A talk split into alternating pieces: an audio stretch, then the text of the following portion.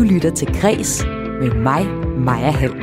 Det har næppe været så aktuelt at spille det her nummer som nu. Det er en kold tid, som vi lever i. Alle går rundt og fryser, men jeg har det da nogenlunde her, her på Østre Gasværk.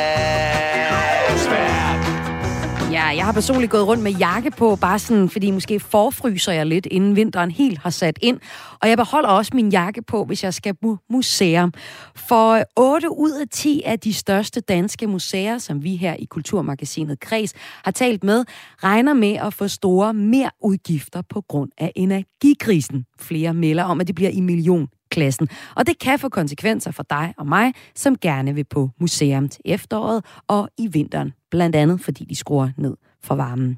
Hør hele historien senere her i Kulturmagasinet Kreds, hvor jeg taler med et af de ramte museer og hører brancheforeningen ODM, om de danske museer har været måske lidt for langsomme til at skrue ned for varmen. Jeg har en indre mandemand. En Putin. Ah, ham vil jeg bare gerne have, du møder. I dagens udsendelse skal vi også se på, hvorfor Vladimir Putin er rykket ind i soveværelset på en teaterforestilling, og gør det i en uge, hvor Vladimir Putin holder sin første tale. Og så skal vi høre, om vi kan holde til flere Star Wars-serier. I dag er der premiere på en forløber til en forløber af en af de gamle film.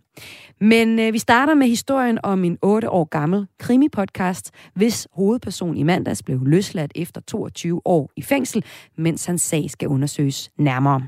Det her det er Kreds i dag. Mit navn er Maja Hall. Velkommen til.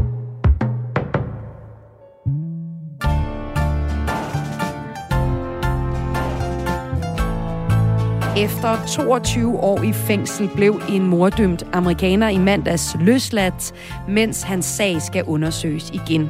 Og hvis dig, der lytter med, er fan af true crime-genren, så ved du muligvis, hvem jeg taler om, når jeg, du hører musikken her.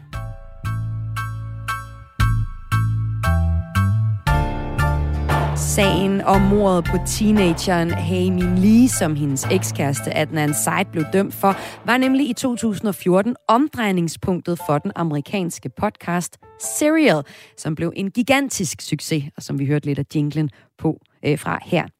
I løbet af det første år, så blev øh, podcasten her ifølge politikken downloadet 75 millioner gange. Men den skabte også en revolution inden for true crime-genren og for podcast generelt. Mads Peter Kynel, velkommen til dig. Tak.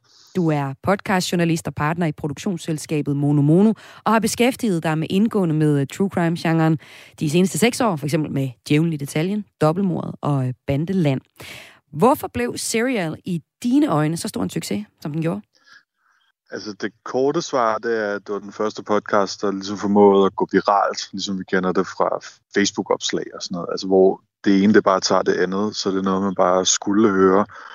Men, øhm, men altså når det er sagt, så er det jo også det er enormt godt journalistisk øh, stykke arbejde, hvilket vi også kan se nu her for, øh, nogle år efter, altså konsekvensen af, at hovedpersonen rent faktisk er blevet øh, løsladt. Ikke? Mm. Og så var det en meget eksperimenterende øh, hvad hedder det, podcast, som har lavet en eller anden form for øh, præcedens for, hvordan man laver podcast i dag. Mm. Så der er både noget med, den kom på det rigtige tidspunkt, og også den måde, den så arbejdede med stoffet True Crime, og det skal vi tale lidt mere ned i. Den første sæson af podcasten her, Serial, den udkom som sagt i, i 14, og er lavet af den amerikanske journalist Sarah Koenig. I øh, over 12 afsnit, så undersøger den drabet på teenageren Hamin Lee i 99, som hendes ekskæreste Adnan Said blev dømt for. Han har hele tiden fastholdt sin udskyld, men anmodninger om at tage sagen op igen er gentagende gange blevet afvist, og serien her fortæller sig også om det amerikanske retssystem. Men øh, nu er der så sket en udvikling i den her historie, for nu har en dommer løsladt hovedpersonen i podcasten her, mens hans sag så bliver undersøgt igen. I øh, podcasten, der hører man lydoptagelser fra retssagen, interviews med den dømte og med vidner i sagen. Man præsenteres for, jeg må sige, klassisk journalistisk gravearbejde, og så inkluderer øh, journalisten bag podcasten også sine egne tanker og bekymringer for netop det amerikanske retssystem sådan undervejs. Men så med dit kendskab til true crime-genren, som er kæmpe stor nu. Vi nævnte lige nogle af de podcasts, du har været med på, der også har haft stor succes. Hvilken betydning vil du sige, at Serial har haft for den her genre? Jamen, den har haft øh, enormt stor betydning, fordi før øh, Serial, så var det som om, at True Crime, der havde sådan lidt sådan en, øh, en, en snusset lyd, ikke? Altså, det var noget, man skulle skamme sig lidt over at lytte til. Men da Serial kom, og alle begyndte at lytte til det, altså den blev downloadet 75 millioner gange, mm. det var helt vildt, ikke?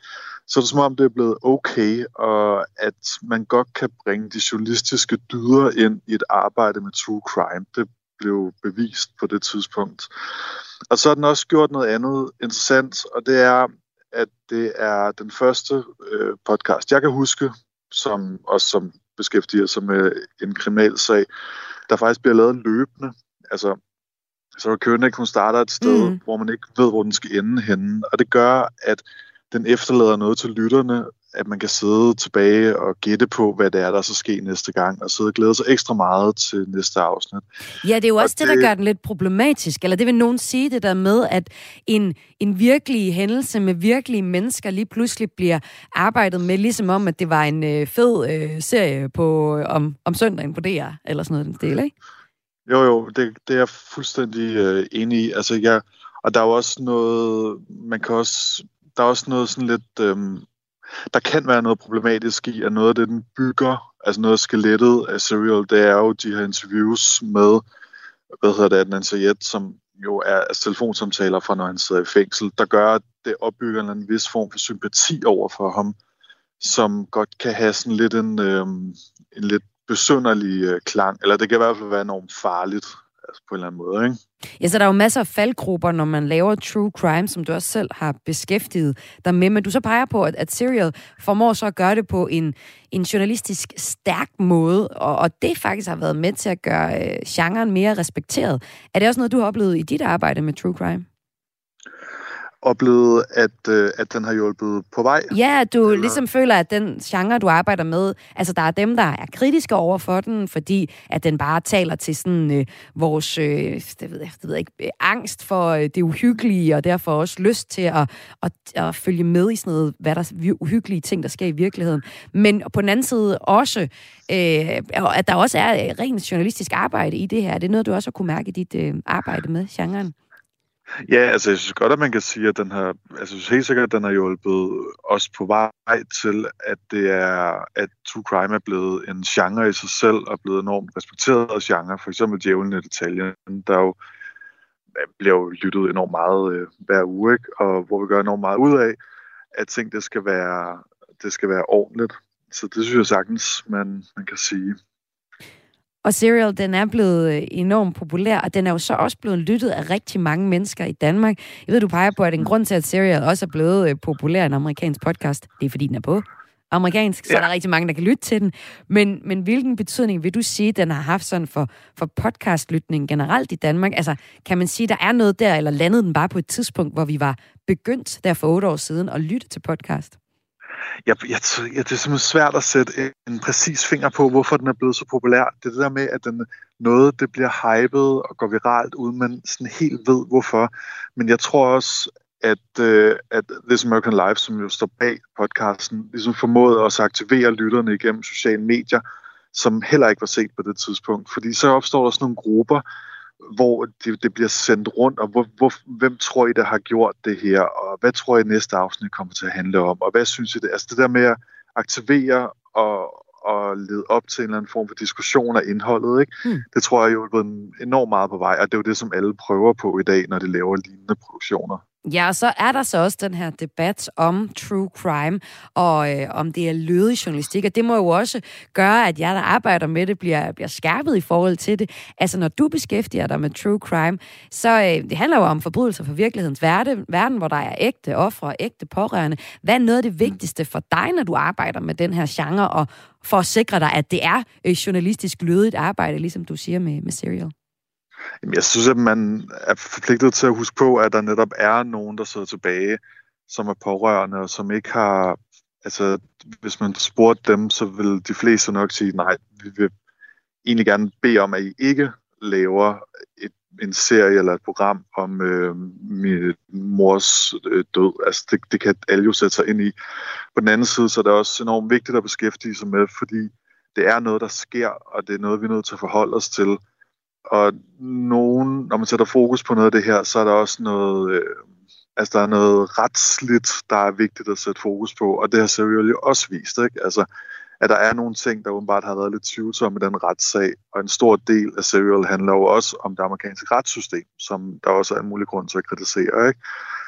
Så, så det, er jo, det er jo vigtigt stof, men man skal træde enormt varsomt, fordi der sidder virkelig mennesker bag, som, øh, som er ofre og pårørende jo. Ja, der vil nok sidde nogle lyttere lige nu her på Radio 4, der også har lyst til at spørge dig, jamen, hvorfor skal man overhovedet lave true crime?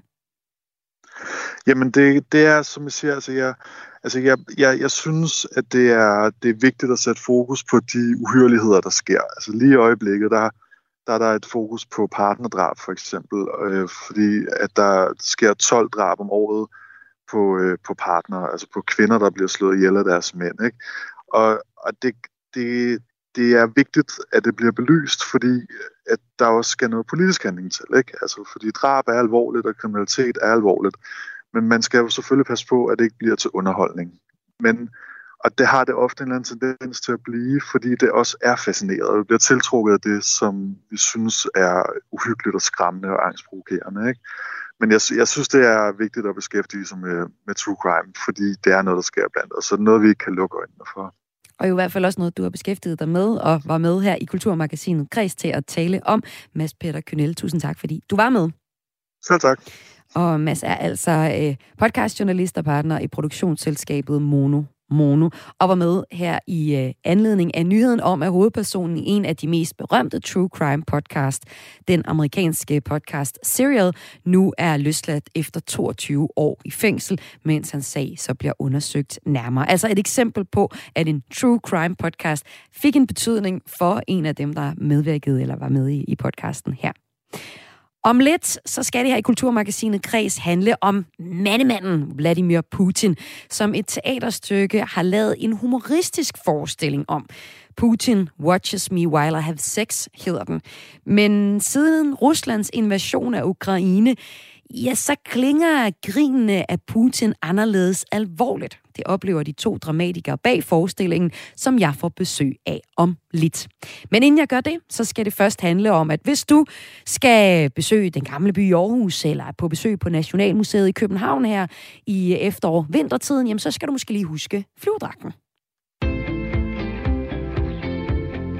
Du lytter til Græs med mig, Maja Hall.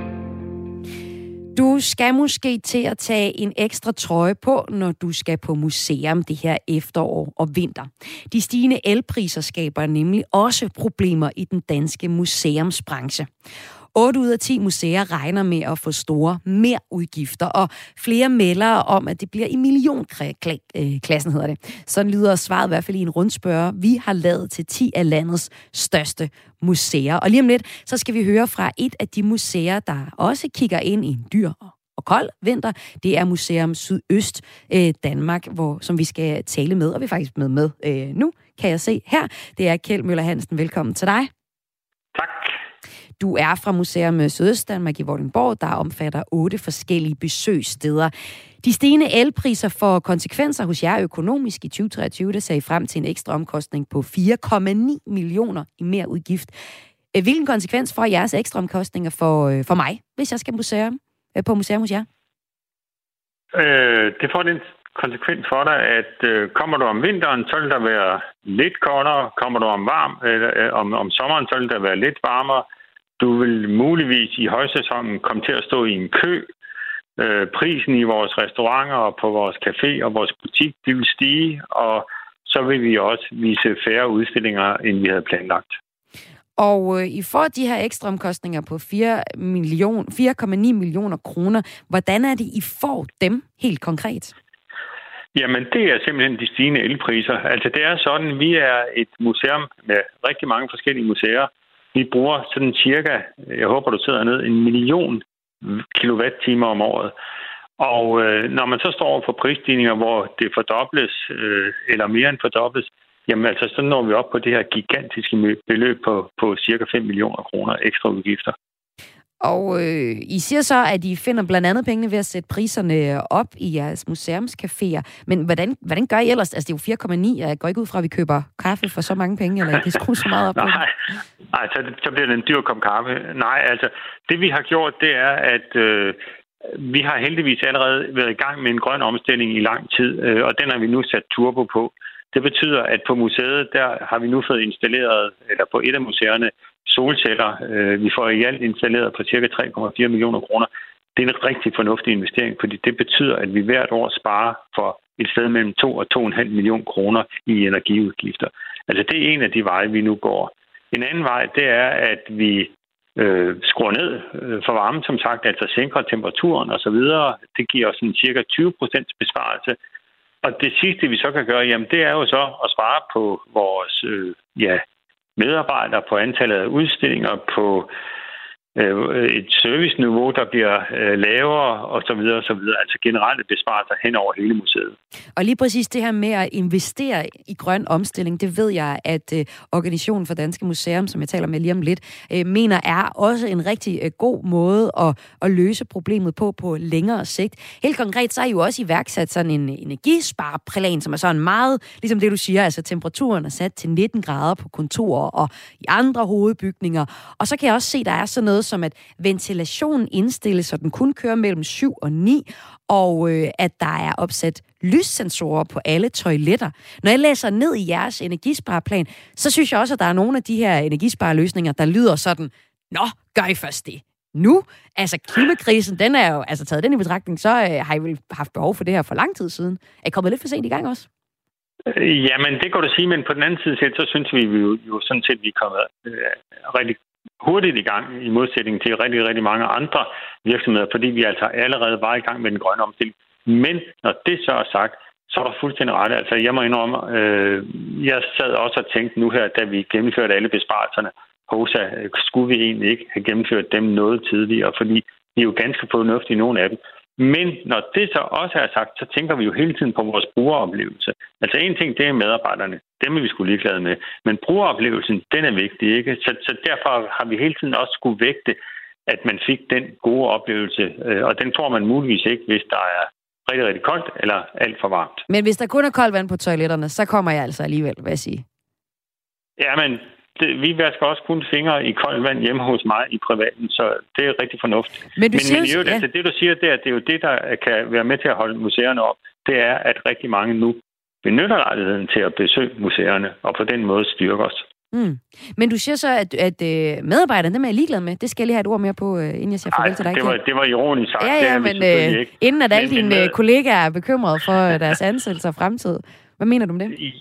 Jamen, det er jo rigtigt nok, fordi at når du sænker temperaturen, når du gør forholdene dårligere på dine medarbejdere, når du går ind og sparer på sommerudflugter, på øh, Øh, julefrokoster og alle mulige andre personale goder, det er jo klart, så bliver man ikke en attraktiv arbejdsplads på sigt. Men når det så er sagt, så har vi jo altså også nogle rigtig super lojale medarbejdere, som håber og tror ligesom vi andre på, at det her det er en periode. Om den så var 1, 2, 3, 4 år, det ved jeg ikke. Og jeg ved udmærket også godt, jo flere år der går, jo værre bliver det. Og vi vil ikke kunne overleve det her, hvis der går ret meget mere end to år. Sådan lød det her fra Kjeld Møller Hansen, der er direktør hos Museum Sydøst Danmark. Tak fordi du var med her i Græs. Velbekomme.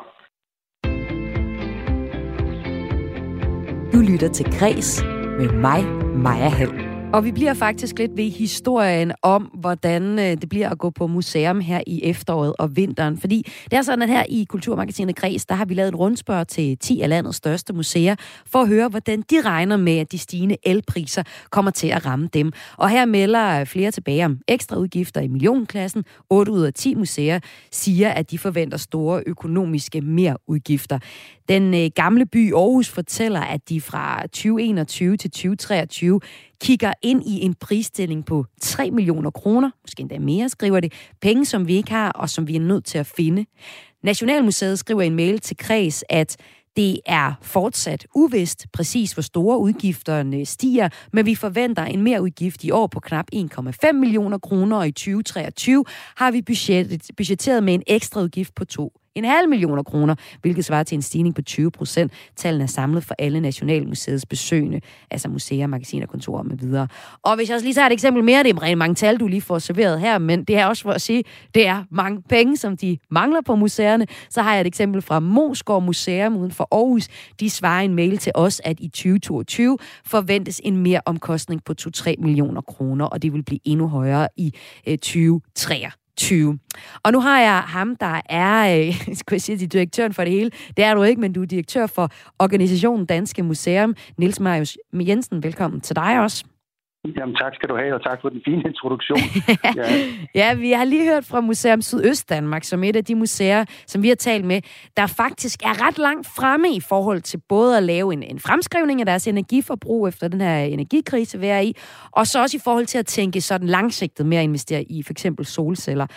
Alligevel har vi jo lige hørt, at de har store mere udgifter. Og øh, det, vi har altså også talt med museer, som ikke er begyndt på de her processer endnu, altså ikke er begyndt at investere. Bliver du lidt nervøs på deres vegne, når jeg fortæller dig det? Nu har vi jo lige hørt Kjell Møller Hansen fra Museum Sydøstdanmark fortælle om, om alt det, man kan gøre, og alt det, man bør gøre. Så jeg synes jo sådan set bare, at de har gjort alt det, som de andre nu står på vej til at gøre også. Så nervøs bliver jeg ikke, fordi der er ikke nogen, der ikke er opmærksom på de her ting. Der er nogen, der har nogle prisaftaler, der rækker længere ud, så deres ekstra omkostninger kommer måske først om et års tid, hvis de har fastprisaftaler og den slags ting. Der er også nogle steder, hvor det simpelthen er kommunen, der tager sig af at drifte de bygninger, man bor i. Men der er ikke nogen, der ikke er opmærksom på det her. Så nervøs, det er jeg ikke for, at man, at man ikke tager det her alvorligt. Fordi det er noget, der virkelig koster mange penge. Og du har lige selv renset op, hvor slemt det ser ud, hvor mange penge det er, der skal bruges på energi mm. her det kommende stykke tid. Så det er dybt alvorligt, og det er mange procent af, af de driftsomkostninger, man i øvrigt har. Ja, som, og, og, så og øh, med den viden, som du har for øh, vores lyst til at gå på museum, hvor store konsekvenser vil du sige, det har, når der kommer færre udstillinger? Vi hører også dårligere service faktisk blive nævnt her, og jo øh, lavere øh, varme øh, på museerne her i efteråret og vinteren. Jo, jo, men det kan da givetvis påvirke også besøgsfrekvensen. Jeg tænker da også på, at folk har jo omkostninger derhjemme, så det kan jo også gå ud over det kulturforbrug, man har. Det er en anden faktor, man skal kigge ind i, at det er ikke sikkert, at folk simpelthen har så mange penge at dyrke kulturen for. Men når det er sagt, så, øh, så er jeg da sikker på, at museerne derude, de tager højde for at gøre det så bekvemt overhovedet som muligt for de gæster, der måtte komme. Og hvis vi så kigger på, øh, hvad det konkret er, vi lige har hørt, som de, øh, som, som de kigger på at, og løse med, så er det jo sådan noget lyssensorer på toiletterne og ventilation mellem øh, 7 og, og, og, og 19. Øhm, var nogle af de eksempler, der blev, blev nævnt lige her før. Og som vi også kunne høre, så var det måske også på tide, at de ting blev indsat. Altså har man i museumsbranchen generelt været for langsom til at skrue ned for varmen og rykke på de her stigende elpriser, som jo rammer os alle, vil du sige, Niels? Må ikke vi alle sammen har, er blevet ramt af den her lidt i nakken, både på den private bane derhjemme, og huske at slukke lys lidt oftere og lave alle den slags ting. Jo, jeg tænker da, at, øh, at vi, vi, det var om at komme i gang. Altså, vi har selv her i organisationen Dansk Museer i gang sat det, vi kalder Museernes Grønne Akademi. Mm. Og det handler blandt andet om at plukke nogle af alle de lavt hængende frugter, der er derude, som at slukke lyset, eller som at sende sensorer på, eller som at lukke udstillingsrum ned, som man ikke lige bruger aktuelt. Så jo, altså selvfølgelig, vi har alle en, en øvelse, der vi skal i gang med, og det er pindød nødvendigt nu, og det viser ja, de her store økonomiske udfordringer med al tydelighed. Et af de museer, vi har hørt fra her i Kulturmagasinet Kreds, det er Skagens Mus- øh, Kunstmuseer, der skriver til os, at øh, vi kigger ind i stejlstigende kurver for energipriser, og det presser museets økonomi. Mange driftsmidler på økonomiområdet er direkte knyttet til bevaring. Her er der ikke mulighed for at begrænse forbruget, da det vil kunne påføre skader på kunstværkerne, hvis klimaanlæg eller temperatur ændres. Altså her taler vi om billeder af skagensmalerne, som øh, man ikke kan skrue ned for, de kan ikke fryse de her billeder, så går de simpelthen i stykker. Øh, Nils, øhm, du er direktør i øh, organisationen Danske Museer. Skagens Kunstmuseer peger altså på museernes ansvar for bevaring, og det er i den forbindelse faktisk ret svært at gøre noget for at optimere. Øhm, hvad er det for nogle særlige betingelser, der gør sig gældende for mange af danske museer her?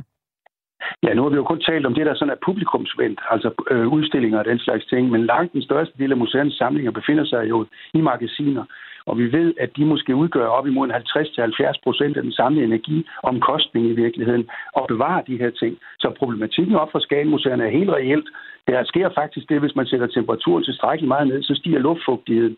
Og hvis der er noget af, af gamle værker, for den sags skyld, genstanden ikke kan tåle, så er det simpelthen stigende luftfugtighed, for det giver skimmelsvamp.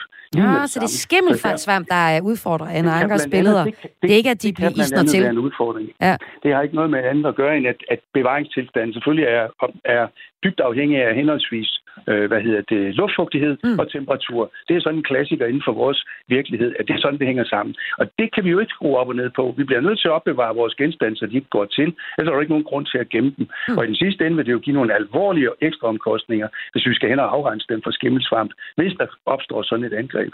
Og lige nu er det dybt uheldigt, fordi vi er på den årstid, netop hvor luftfugtigheden stiger gevaldigt og, og temperaturen daler. Og det er altså, der, bliver, der er altså nogle omkostninger, man ikke kan løbe fra. Så, så det er altså dansk kulturarv, der er, der er i fare på grund af energikrisen. Også hører vi jo her øh, dig fortælle, Niels Marius øh, Jensen, der er direktør i organisationen Danske Museer. Så er det jo spørgsmålet, hvad I så har af gode løsninger inde hos jer. Altså, vi hører jo, øh, der er nogle konkrete ting, man kan skrue ned for varmen. Og så hørte vi også investering i solceller. Jeg ved, du også peger på sådan nogle længerevarende investeringer som jordvarme, som nogle af jeres museer også er, er gået gået over til. Men, men hvad, hvad opfordrer I ellers jeres museer til at gøre, for at kunne øh, nedbringe de mere omkostninger, som de jo ellers fortæller, at de forventer at have? Ja, men nu er de alle sammen de bedste til at finde ud af, hvad den lokale løsning skal være. Så det går jeg ikke ind i. Ja. Men der er jo selvfølgelig nogle overordnede rammebetingelser, som vi kan være med til at påpege. Og en af de ting, der er, det er for eksempel, som de har gjort ned i Museum Sydøst-Danmark og investere i solceller, det er jo, at man skal også have en likviditet for overhovedet at have de midler til at starte sådan en proces. Og det slås man med, ikke mindst efter nogle år med corona, hvor hvor, øh, hvor museernes pengekasser helt klart er blevet totalt udsultet. Så en eller anden form for investeringsmulighed, det vil være gavnligt, og det er jo noget af det, vi påpeger over for politikerne, og også i øvrigt også ude lokalt, at man ser med milde øjne på, hvis der kommer museer, der er i beknep for midler øh, i forbindelse med de her stigende energiomkostninger. Se med milde øjne på at udsætte deres betaling og den slags ting. Og men det her med blot at udsætte betalingen jo ikke løser problemet på den lange bane, men for der skal investeringer til, og så er det ikke nok bare at sætte en sensor op, så er det jo solceller, så er det jo jordvarme, så er det øh, vindenergi, som også museerne skal blive en del af. Og den investeringskraft, den er der langt til lige i øjeblikket. Så det er en kæmpe udfordring.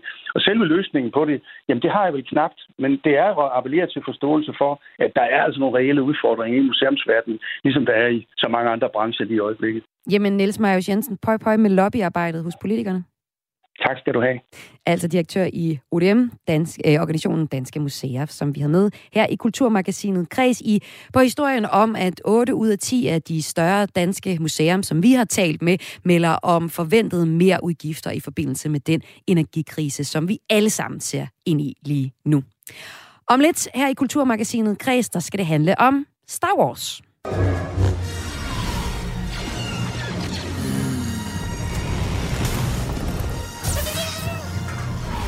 For i dag udkommer en ny, endnu en ny Star Wars-serie. Siden Star Wars blev købt af Disney i 2012, så har der været en lind strøm af serier og film. Jeg tror, vi er oppe på 11 film lige nu. Og Star Wars-indhold, øh, det kan du se i 8 dage uafbrudt på Disney+, Plus efter den seneste serie Andor lander i dag. Serien er en øh, forløber til en forløber, men fansene æder det råt, har jeg lyst til at sige. Og dog, de stiller også krav til kvalitet, og det handler det om senere i udsendelsen, kvaliteten af Star Wars-serier, og også den nye serie Andor. Men inden det skal handle om det, så skal det handle om, hvad Putin laver på de skrå brædder. Du lytter til Græs med mig, Maja Helm. Vladimir Putin er på alles læber i dag, hvor han har holdt tale til nationen og beordrer en delvis mobilisering af soldater til Ukraine, der begynder allerede i dag. Og Putin er også hovedperson i et nyt teaterstykke på Teater Katapult i Aarhus, som havde premiere i går. Titlen på forestillingen lyder Putin Watches Me While I Have Sex, og den blev egentlig skabt længe før vi øh, dagligt fulgt med i ham og Ruslands gøren og laden i forbindelse med invasionen af Ukraine. Det skal vi blandt andet tale om nu, fordi med mig her i studiet har jeg to af idékvinderne bag stykket. Velkommen til dig, Nicoline Grænsted. Tak. Og velkommen til dig, Emma Asmussen. Tak. I er øh, begge i øh, midten af 20'erne og står altså bag den her nye forestilling. Som vi lige skal have en bid fra, der øh, møder vi blandt andet i forestillingen David fra salgsafdelingen, som har svært ved at leve op til omverdens krav om at være en rigtig mandemand. Han begynder, begynder så at skille lidt til Putins øh, iscenesatte image som den ultimative macho-mand. Herfra tager vi tager det hele fat og fart, og vi følger både David og også hans kæreste i stykket og har en dialog mellem dem. Jeg har nogle jagt- og beskytterinstinkter. Nu har du helt tabt mig. Jeg har en indre mandemand. En Putin. Og ham vil jeg bare gerne have, du møder. En Putin? David, hvad fanden er en Putin?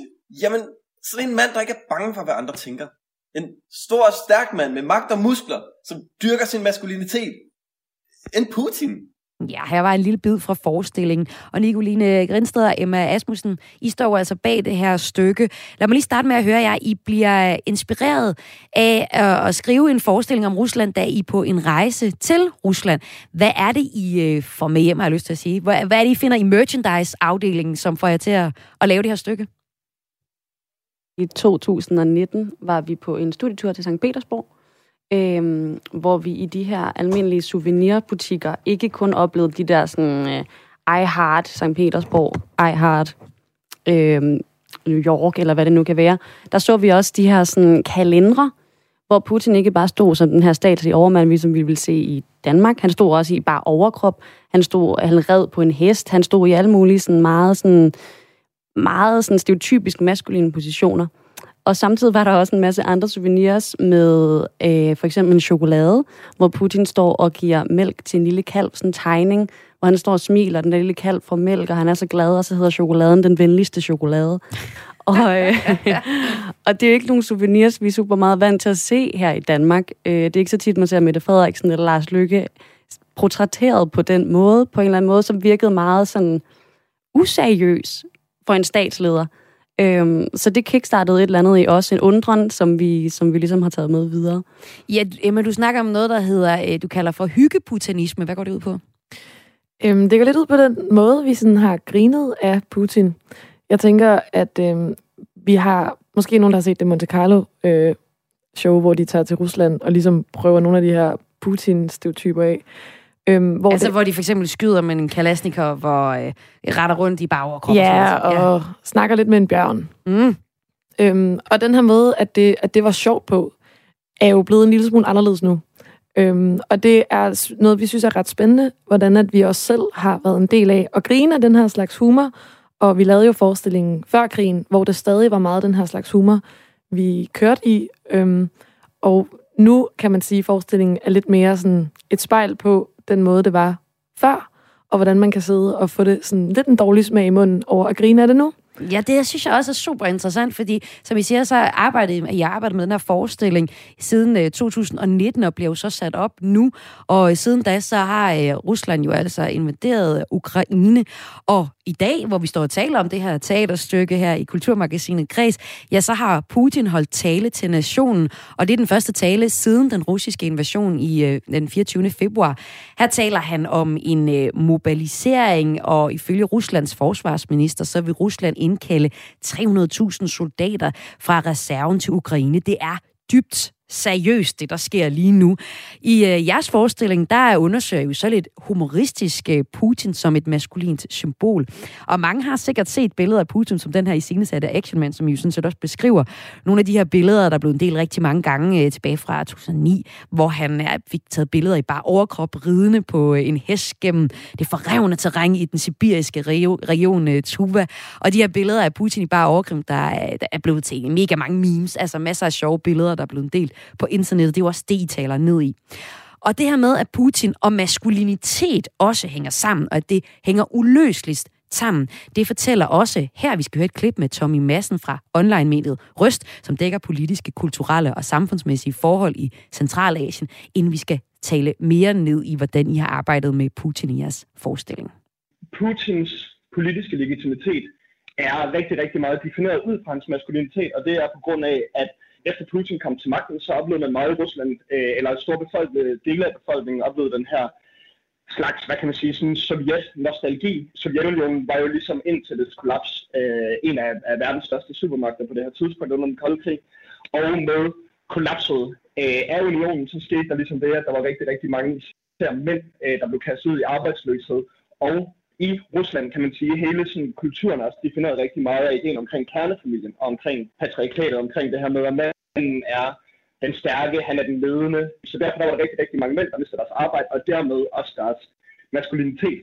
Og det, der så sker, når Putin han kommer til magten der omkring 2000, det er, at russerne pludselig ser en mand, øh, som der er sober, der er ansvarsfuld, og han er viljestærk, og han vil gøre sit for at prøve at få Rusland tilbage til den her, hvad kan man sige, fordoms politiske magt, som det, det, det var kun få år før han ligesom trådte til.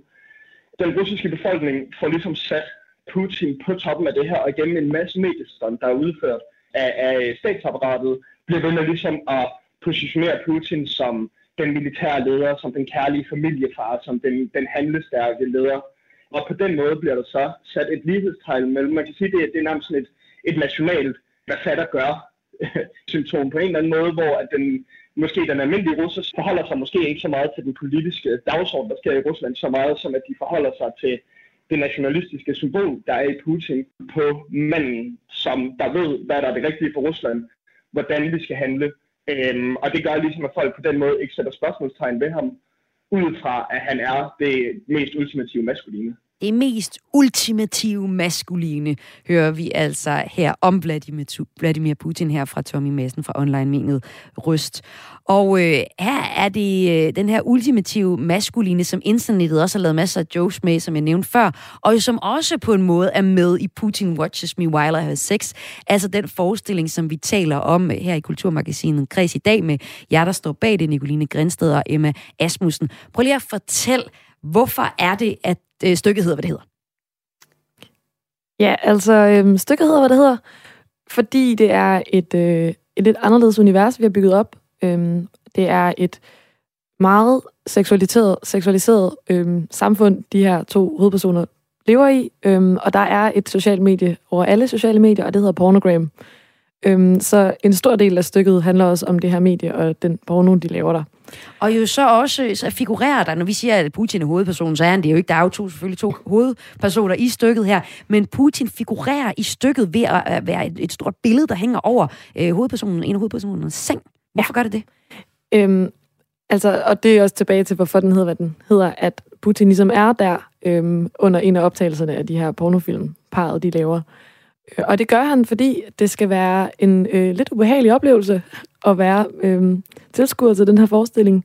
Det er øh, ret voldsomt, oplevede vi i går til premieren, da vi sætter Putin på.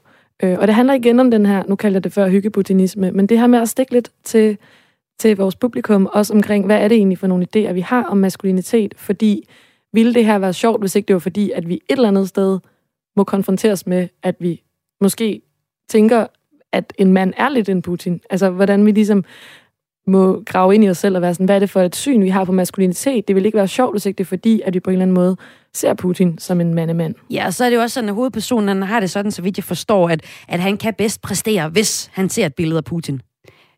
Ja, det er sådan i vores forestilling, at, at det er faktisk meget sjovt. Det taler meget tilbage til, til ham fra Røst, der udtaler sig omkring, øh, hvad Putin er for et symbol for russerne, fordi David her er i et parforhold med Camilla, har været det i mange år. Hun ved, hvad hun vil i livet. Han ved det slet ikke. Han har mistet sig selv og har brug for et, et forbillede.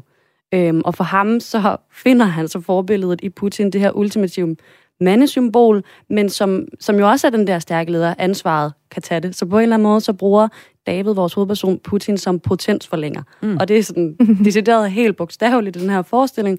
Han har brug for Putin til at være der, til at hjælpe ham på vej til at præstere seksuelt. Og det er jo skønt, at vi står her i radio nu og griner lidt af det, men det er også lidt svært måske at grine af. Den her øh, forestilling, den blev øh, til for nogle år siden, fordi I var en del af en øh, vækslagsfestival. Sidste år vandt I så den, og, øh, og det, altså, ideen er jo så ældre end den er fra, fra 19, og nu kommer forestillingen så her. Altså, øhm, hvordan er det, i har arbejdet med forestillingen i forhold til det, der er sket, altså at øh, Rusland har invaderet øh, Ukraine. Hvad har det haft af betydning for stykket, synes I? Er det stadig relevant? Kan man stadig grine af det? Øh, ja, det, det er bare på en lidt anden måde. Jeg tror for os, der kan komedien tale ind i det tragiske. Det er på en eller anden måde for at bearbejde, altså man kan sige, det hjælper en til at bearbejde de tragiske ting ved ligesom at, at sætte den her absurditet og sætte det på spidsen. Så det er blevet også... mere absurd nærmest? Jamen, det er det jo på en eller anden måde, fordi virkeligheden lige pludselig har overhalet forestillingen. Øhm, så, så på den måde kan man, kan man stadig grine af det, men vi har ligesom gået ind og, altså man kan sige, at nogle værker, når virkeligheden ligesom overhaler det, så får det en ny betydning, og den mm. betydning har vi været meget bevidste om under hele den her proces. Øhm, og derfor har vi ligesom haft brug for at gøre nogle ændringer i stykket. Vi har ikke så meget taget noget ud, som vi har lagt ting til. Og der for har at vi... forklare karakteren bedre og sådan Præcis, fordi vi har nemlig brug for at forklare, hvorfor er det, han bruger Putin som symbol. For det gjorde vi ikke før. Der var det bare lidt sjovt med hyggeputinismen. Nu har vi haft brug for, hvorfor er det, han bruger Putin som Så I går ind og også fortæller, hvordan han har brug for en maskulinitet og en, et idol, som du også øh, nævner før. Lige her til sidst, hvad håber I, at man øh, får ud af den her forestilling, hvis man går ind og ser Putin, Putin watch me while I have sex? Øhm, vi håber på, at man bliver en lille smule, man må godt blive en lille smule rystet Øh, og det, det føler jeg også lidt, at publikum blev i går. Øhm, og så sætter det nogle tanker i gang omkring, hvad kan vi grine af? Kan vi grine af det her med Putin? Og der synes vi, at det er fedt at have lavet en forestilling, som vi er helt sikre på, at Putin ikke vil bryde sig om. ja, det tror jeg heller ikke, han vil. Men uh, tusind tak for, at I var med her i Kulturmagasinet Kreds, altså Nicoline Grinsted og Emma Asmussen. Og forestillingen, som vi taler om her, har altså, øh, kan man opleve på Teater Katapult i Aarhus, og den havde premiere i går. Du lytter til Græs med mig, Maja Hall. Og nu skal vi til en galakse langt, langt væk. Der kommer nemlig en ny Star Wars-serie. Den kommer faktisk i dag, og den hedder Andor og kan ses på Disney+. Den nye serie er en forløber til filmen Rouge One fra 2016, som i sig selv er en forløber til den originale Star Wars-trilogi fra 77 til 83. Altså en forløber til en forløber skal det nu handle om. I øh, forløberens forløber, der møder vi Cassian Andor, altså det er navnet på øh, hele filmen også, Andor, som øh, har infiltreret universets skurke, altså den her onde organisation, Imperiet, og, og det har han gjort for at få fingre i nogle tegninger af et våben, som er så kraftigt, at det kan springe supervåbnet, dødstjernen, i stykker. To steal from the Empire? You just walk in like you belong. They're so proud of themselves. So fat and satisfied. They can't imagine that someone like me would ever get inside their house. Ja, det er altså ham her, Cassian Andor, som lægger navn til den nye Star Wars-serie, som det skal handle om øh, nu blandt andet.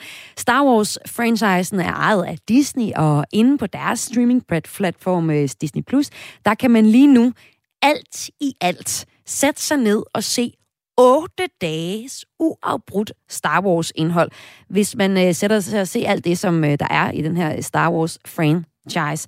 Og øh, det har min næste gæst næsten gjort. Jeg kan byde velkommen til Jonas Ernst Monti. Velkommen til dig. Og oh, jeg skal lige se, om jeg har fået tændt for dig. Velkommen til dig. Hej, hej. Hej, hej. Der var du, Jonas. Du er nemlig i København, og jeg står her i Aarhus, hvorfra Radio 4 sender. Du er øh, anmelder på magasinet Sound Venue, hvor du skriver om blandt andet de efterhånden mange Star Wars-serier, og har også anmeldt den seneste. Den skal vi høre lidt mere om lige om lidt. Men jeg kunne godt tænke mig at starte med at høre dig. Ikke? Altså, øhm, der er 11 film lige nu, og så er der et hav af serier, en af dem, det handler om i dag. Der er både animeret, og der er live-action-serier. Er det ikke for meget? Jo, altså det kan man jo... Jeg er jo kæmpe Star Wars-fan, jeg slår mig lidt op på at være Soundvenue Star Wars-ekspert. Øh, og jeg kan da godt forstå, at nogen godt kan være, synes, der er lidt for meget af det, men som Star Wars-fan er jeg jo glad for hver enkelt lille ting, der kommer. Øh, Ja, der, for der kommer ja. mere, fordi udover de her 11 film og alle serierne derudover, så er der også planlagt syv serier fra, fra i dag og, og til og med 2023, plus en Star Wars-film hvert andet år. Ej, men så spørger dig igen, er det ikke for meget? Altså, jeg synes det jo ikke. Øh, det kommer jo meget Hvorfor siger du jo? Ja, der er mange, som, altså, som anmelder kan jeg godt se det der med, at, at når der kommer alle de her serier i nogle gange svingende kvalitet, der har været Book of Boba Fett for eksempel, som jeg ikke synes holdt kvaliteten helt, der kan man jo godt begynde at blive lidt Star Wars-træt, eller franchise-træt, som det sker med nogle af de her store ting. Øh, men som Star Wars-fan er jeg jo bare glad for, at der kommer mere og mere. Sådan, Hvorfor man er man bare glad for mere og mere? Det fede ved Star Wars er jo, at det er det her, i du siger otte dages øh, maraton. Ja. Der er så meget stof i det, at man kan følge karakterer fra de er helt små børn, til de bliver gamle, og følge karakterudvikling, og det synes jeg bare er super fedt. Og det er måske også det, du siger her. Altså, der er faktisk stof i det, men stoffet skal jo så også være øh, ordentligt. Altså, Star Wars-franchisen er måske nok en af de mest kendte i populær kulturen, og også øh, noget, der har tjent rigtig, rigtig mange penge. 507 milliarder øh, kroner er der estimeret til at have tjent. Og der er, også, altså, der er jo alt muligt bygget op om øh, Star Wars-franchisen, som øh, er det, vi taler ned i i dag. Og nu taler vi jo så om forløberen til forløberen med den nye Star Wars-serie. Vi skal lige høre fra øh, en øh, biografdirektør fra øh, Gentofte Kino, der også har fulgt med i alle de her øh, forløber til forløber. Der er nemlig mange flere måder at lave flere historier ud fra et univers, som for eksempel Star Wars på.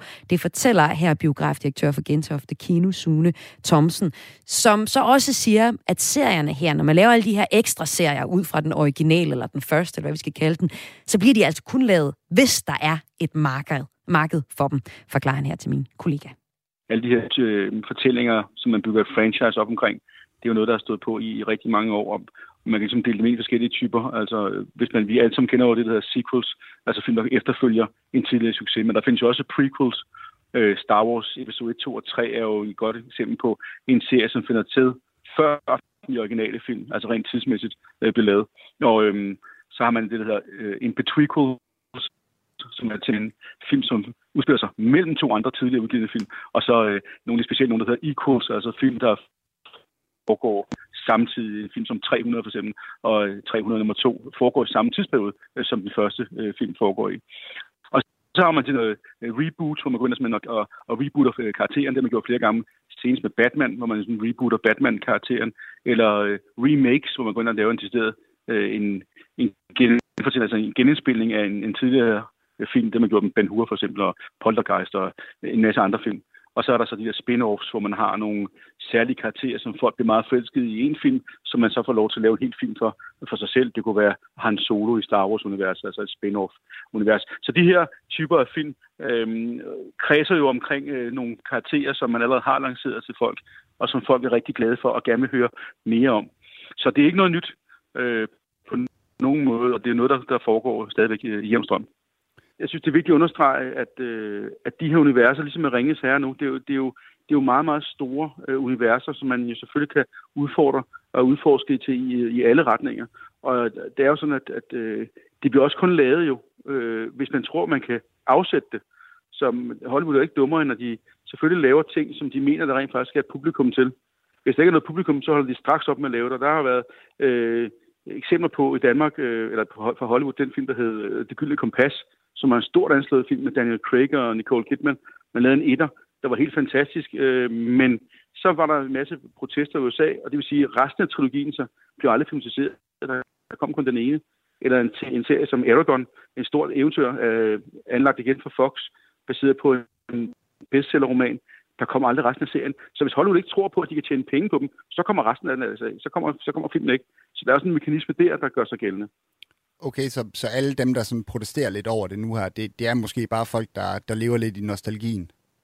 Jeg tror i hvert fald, det er sådan, at man må sige, at så længe der er kunder øh, til et produkt, så vil det lavet, og især vi taler om, om, om Hollywood. Så længe de tror, at det er jo en markedsmekanisme, så hvis der er kunder til butikken, så bliver filmen lavet. Lige snart der ikke er flere kunder tilbage, så laver de ikke de film mere. Og sådan er det, så, så, så, så lige så let er det i virkeligheden at, at definere det. Det er ikke sagt, men så gå og skubbe til dem og sige, hey, kom nu op med noget, der er lidt friskere, så publikum ikke bare totalt dør hen i en kedsomhed. Publikum må ikke løbe hen i en kedsomhed, lyder det her fra biografdirektør på Gentofte Kino. Og øh, Andor, der er den her Star Wars forløber, der i dag har premiere på Disney+, Plus, er faktisk et eksempel på en serie, der er lidt friskere, som vi hører biografdirektøren her efterspørger. Det mener du i hvert fald, øh, Jonas Ernst Monti, der stadig er anmelder på øh, Soundvenue. Sound Venue. Du øh, har selv set de første fire afsnit af den her nye serie, og, øh, og skriver i dag, at Andor præcis er, hvad Star Wars-hypen har brug for. Hva, hvordan er den det? Altså, det er jo fordi, den, øh, modsat så mange andre ting, der kommer i Star Wars-universet, så skal man have set virkelig, virkelig mange film for at overhovedet forstå, hvad der sker. Men der synes jeg, Andor gør det rigtig fede, at den faktisk overhovedet ikke forudsætter, at man har nogen viden om Star Wars øh, og de karakterer, der er, fordi den, den bringer en ind i verden på ny. Og det er jo også det her med, at det er en prequel til en prequel, så man behøver faktisk ikke have set de andre ting, som enten Cassian Andor med i, eller andre ting i Star Wars-universet, for den her starter ligesom fra, fra nul, og så fortæller den historien om ham fra, fra starten. Ja, så hvad er det her egentlig for en serie, hvis man nu bare tunede ind og så den, ligesom mig, der kun har set de gamle Star Wars, og så tænder for den i aften på Disney+. Plus. Hvad er det så for en historie, jeg får? Det er jo en, kan man sige, en slags origin story for, for Cassian Andor, øh, som handler om, hvordan han melder sig til ind, i- ind, ind i oprøret mod imperiet, hvor han starter fra ingenting, som sådan lidt hostler, der stjæler lidt fra imperiet her og der, til han begynder at, at tro på en sag. Øh, men det er jo filmet, og det er jo lavet, som om det er bare sådan en spion mod spion-historie, lidt ala Bourne-trilogien for eksempel. Det er også ham, der har skrevet dem, der har lavet serien. Så er det mere en spionfilm egentlig, end, øh, end ja, Star Wars? Altså mere en sådan sci-fi-film? Der er jo stadigvæk alle de klassiske øh, Star Wars-elementer. De har øh, blaster, pistoler, der skyder med laser, og de flyver i rumskib og sådan noget. Men selve følelsen af det er faktisk ikke så meget Star Wars, synes jeg. Den er mere sådan, ja, en spionhistorie. Og en god en af slagsen. Det synes jeg. Nu har jeg jo kun set de første fire afsnit, men jeg synes, det tegner rigtig godt i hvert fald. Det er da også alligevel lige fire timer, er det ikke det? Jo, det er omkring. Men jeg tror, der, jeg tror, der er 12, så det er en tredjedel af det. Og der er uendelig meget Star Wars-materiale, hvis man gerne vil, og det vil du. Og tusind tak, fordi du var med her i Kreds til at fortælle om Andor, og hvorfor at det er helt okay med nogle flere øh, forløbere til forløbere og sideløbere og efterløbere til Star Wars-universet. Her var det altså Star Wars-fan og anmelder Jonas Ernst Monty fra Soundvenue. Og den nye serie Andor, den har altså premiere i dag på streamingplatformen Disney+.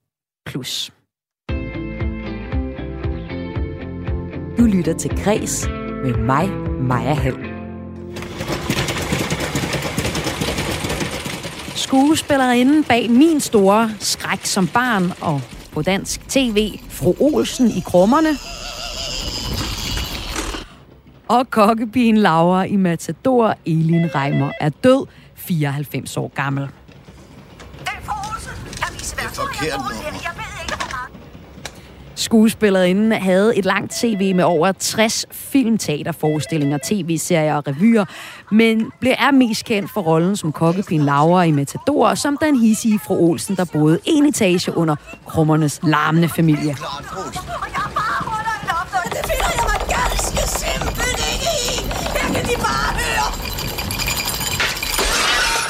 Ah. og det vi hører her, det er fru Olsens lysekrone, der falder ned efter fru Kronborg har syet på herr Kronborgs hjemmeelektrificerede symaskine. Og fru Olsen var jeg bare hamrende bange for som lille. Jeg var så bekymret for at møde så streng et kvindemenneske, som øh, fru Olsen er. Altså Elin Reimers figur i øh, krummerne. Men mange af jer, der lytter med, vi nok aller, allerbedst kende Elin fra hendes rolle som øh, kokkepin Laura i Matador, hvor øh, afsnit 16 helt særligt handler om hendes karakter.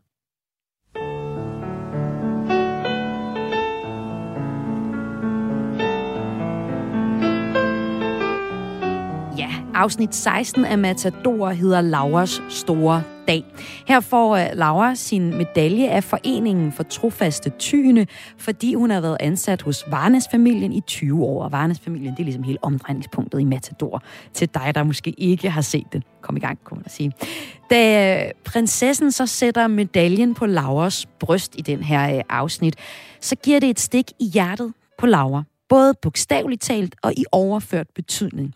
Og i, øh, i serien, så, eller det her afsnit, så, så handler det om den smertefulde påmindelse, som hun får over at have brugt 20 år af sit liv i Varnes-familien, og det får så både Laura til at sige sit job op hos Varnes, flytte ud og blive selvstændig og vende hjem igen en virkelig fin historie om, hvad der betyder noget for en, og om end om man så lige pludselig har været et sted i 20 år. Og øh, den historie, den lavede, eller den var, den spillede øh, Elin, altså så super, super fin Elin Reimer, som altså er død 94 år gammel. Det kom ud i går. Og øh, for at ære hendes minde, så spiller jeg en, en sidste lille bid igen fra krummerne. Her er det en, øh, en fra scenen, øh, hvor Buster Larsen, øh, ham hun spiller overfor i krummerne, som er visevært Svendsen, spiller stille stille hjerte, solen går ned. Og det er så fin en, en, en lille seance, fordi uh, fru Olsen, da hun spiller karakteren her, så har hun sådan en, en kærlighedshistorie over for visevært Svendsen. Stille hjerte, sol går ned. Romeo, min Romeo. Dyr går hjem fra dagens spil. Storken står i reden, stille, stille hjerte, sol går ned. Tavshed over hedesti, og langs veje krumme, en forsinket humlebi, ene hører sprumme. Stille, stille hjerte, sol går ned. Sluder, Svendsen. Der er flere timer, til solen går ned. Det er meget muligt, men dukken falder snart, Frosen. Og det er ikke så godt for kulturen. Kald mig bare Julie. Ja, mange tak. Øh, Men gider de ikke lige give mig en nap, fru Julie, med at få klaveret ind?